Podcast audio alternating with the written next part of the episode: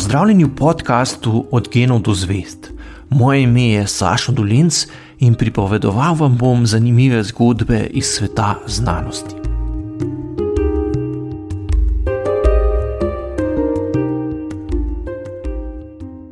Leta 1754 je škotskega študenta medicine Josefa Bleka zanimalo, kaj se zgodi, če po kamninah zlije kislino. Pri enem od takšnih poskusov je ugotovil, da se pri reakciji sprosti brezbarvni plin, ki je težji od zraka, sveča pa v njem noče goreti. Zaradi nenavadnih lastnosti je plin poimenoval fiksni zrak, danes pa mu pravimo oglikov dioksid. Sredi 18. stoletja je začelo več znanstvenikov sistematično proučevati različne oblike zraka, kot so takrat imenovali pline. Med njimi je bil angliški duhovnik Josef Pristli, ki je v prostem času opravil zelo veliko kemijskih poskusov in pri tem proizvedel več vrst novih plinov. Ko se je leta 1767 preselil v bližino pivovarne, ga je to spodbudilo, da je začel proučevati tudi plin, ki se sprošča ob proizvodnji piva. Ugotovil je, da pri fermentaciji nastaja plin, ki ga je mogoče raztopiti v tekoči vodi in tako dobiti okusno gazirano vodo oziroma vodo z mehurčki. Leta 1772 mu je uspelo postopek za proizvajanje nove brezalkoholne pijače, ki ni bila v resnici nič drugega kot v vodi raztopljen ugljikov dioksid, dovolj izpopolniti, da je lahko vsem skupaj napisal razpravo in jo poslal znanstvenikom v kraljevi družbi, ki je bila takrat osrednja znanstvena institucija v državi. Neki zdravnik je ob branju razprave postavil hipotezo, da bi lahko morda prav sodavica zdravila skorbut, kar je bila takrat huda bolezen, ki je pestila mornarje. Danes vemo, da skorbut povzroča pomankanje vitamina C, ki ga v vodi raztopljen oglikov dioksid ne more nadomestiti, a takrat tega nihče ni vedel. Ideja, da sodavica zdravi skorbut, je s časoma prišla na ušesa nekomu iz Portugalske, ki je v Angliji vohunil za Francijo. O strateškem odkritju je takoj obvestil francoze, ki so na to svojemu mlademu kemiku z imenom Antoine Laurent de Levoisier naročili, da preveri, ali hipoteza dejansko drži. Čeprav se je izkazalo, da hipoteza ni resnična, je prav ta naloga Lavosjeja navdušila za serijo raziskav, s katerimi je postavil temelje sodobni kemiji.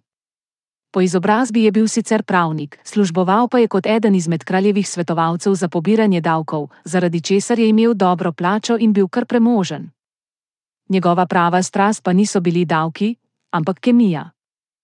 Vsak dan je pred odhodom v službo tri ure izvajal eksperimente v svojem zasebnem laboratoriju, po večerji pa se je običajno vrnil in nadaljeval z delom. Pogosto sta eksperimentirala skupaj z ženo Marie Anne Pous, ki je bila prav tako zelo nadarjena znanstvenica. Ko sta se poročila, je imela komaj 13 let, a sta se vseeno hitro ujela. Marie je znala angliško, tako da mu je pomagala pri stikih z angliškimi znanstveniki. Prav tako je skrbela za domači laboratorij in z natančnimi risbami dokumentirala vse poskuse, ki sta jih izvedla. Takrat je bila namreč večina znanstvenikov prepričanih, da je ogen posledica sproščanja elementa z imenom flogiston. Prav dodajanje in oduzemanje tega skrivnostnega elementa naj bi bilo odgovorno tudi za nekatere druge kemijske spremembe, kot je bila denimo korozija kovin. Težava z razlago s pomočjo flogistona pa je bila v tem, da je bil korodiran kos kovine težji kot izvorni kos brez arje, čeprav naj bi se pri procesu korozije flogiston sprostil iz kovine. Lavoisier je imel v svojem laboratoriju zelo natančne merilne instrumente, pri eksperimentih pa je zelo natančno stehtal kemikalije pred in po kemijski reakciji. Trdno je namreč verjel v načelo ohranitve snovi, po katerem mora biti masa snovi pred reakcijo enaka masi po reakciji. Oktobra 1772 mu je uspelo prav s pomočjo natančnega tehtanja razrešiti uganko, zakaj so kovine po koroziji težje. Spretno izvedenim eksperimentom je pokazal, da se pri pretvarjanju zarjavele kovine nazaj v prvotno stanje sprošča plin. Posumil je, da je prav v sproščenem plinu vzrok za razliko v teži. Ko je ugotovil, da tudi nekatere druge snovi, kot je denimo žveplo, pridobijo težo, ko zagorijo, je postavil hipotezo, da se pri gorenju del zraka absorbira v trdno snov. Nad idejo vezave zraka je bil tako navdušen, da jo je natančno opisal, na to pa pismo zapečatil in ga deponiral pri tajniku Akademije znanosti. Tako bi kasneje dokazal avtorstvo ideje, če bi še kdo drug pozneje postavil podobno hipotezo. a hkrati se je zavedal, da mora izvesti še veliko poskusov, preden gre z idejo v javnost. Naslednji dve leti se je zato trudil, da bi določil lastnosti plina, ki je nastal ob reakciji, a mu ni šlo. Zdelo se je že, da mu problema ne bo uspelo razrešiti, dokler ni prišla pomoč iz Anglije. Josef Prisli je takrat proučeval živo srebro in naletel na nekaj zelo zanimivega. To pri sobni temperaturi tekočo kovino je lahko z domnevnim odstranjevanjem flogistona pretvoril v prah, tega pa segrevanjem nazaj v tekočino. Z dodatnimi eksperimenti je na to ugotovil, da se pri reakciji, ko se sigreti prah pretvarja nazaj v kovino, sprošča plin, ki je drugačen kot tisti, ki se je sproščal pri njegovih prejšnjih poskusih s sodavico. Novi plin gorenja namreč ni zaviral, ampak ga je nasprotno spodbujal. Plamen je v tem novem plinu zagorel bolj intenzivno kot v običajnem zraku in oddajal več svetlobe. Ko je Prisli obiskal Pariz, se je na večerji sestal s člani tamkajšnje akademije znanosti, med katerimi je bil tudi Levoaziji.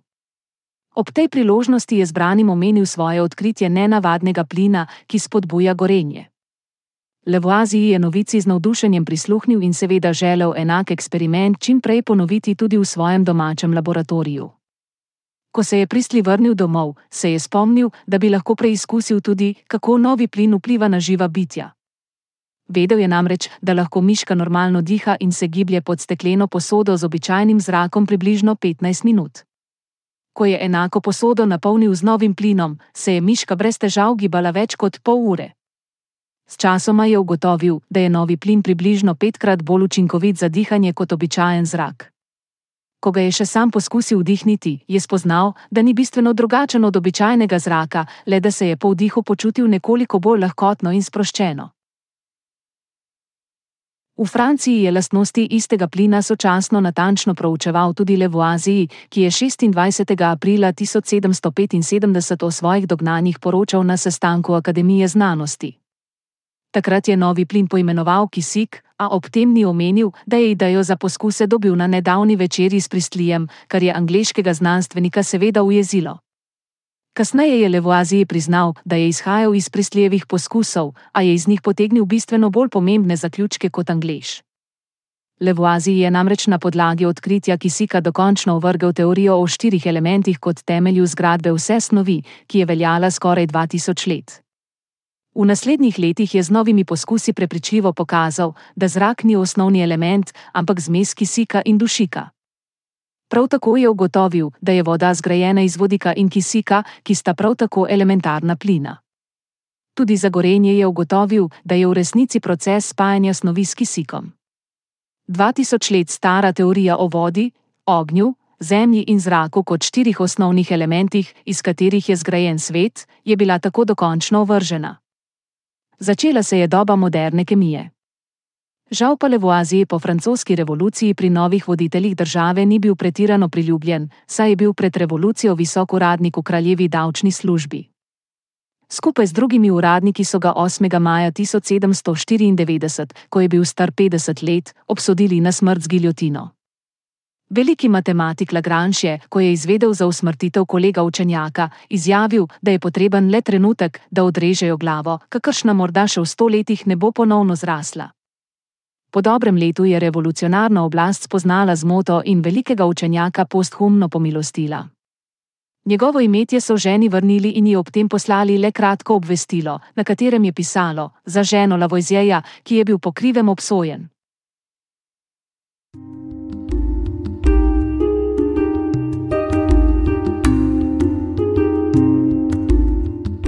To je bil podcast Od genov do zvest. Moje ime je Saša Dolenc in z novo zgodbo se vam oglasim že k malu.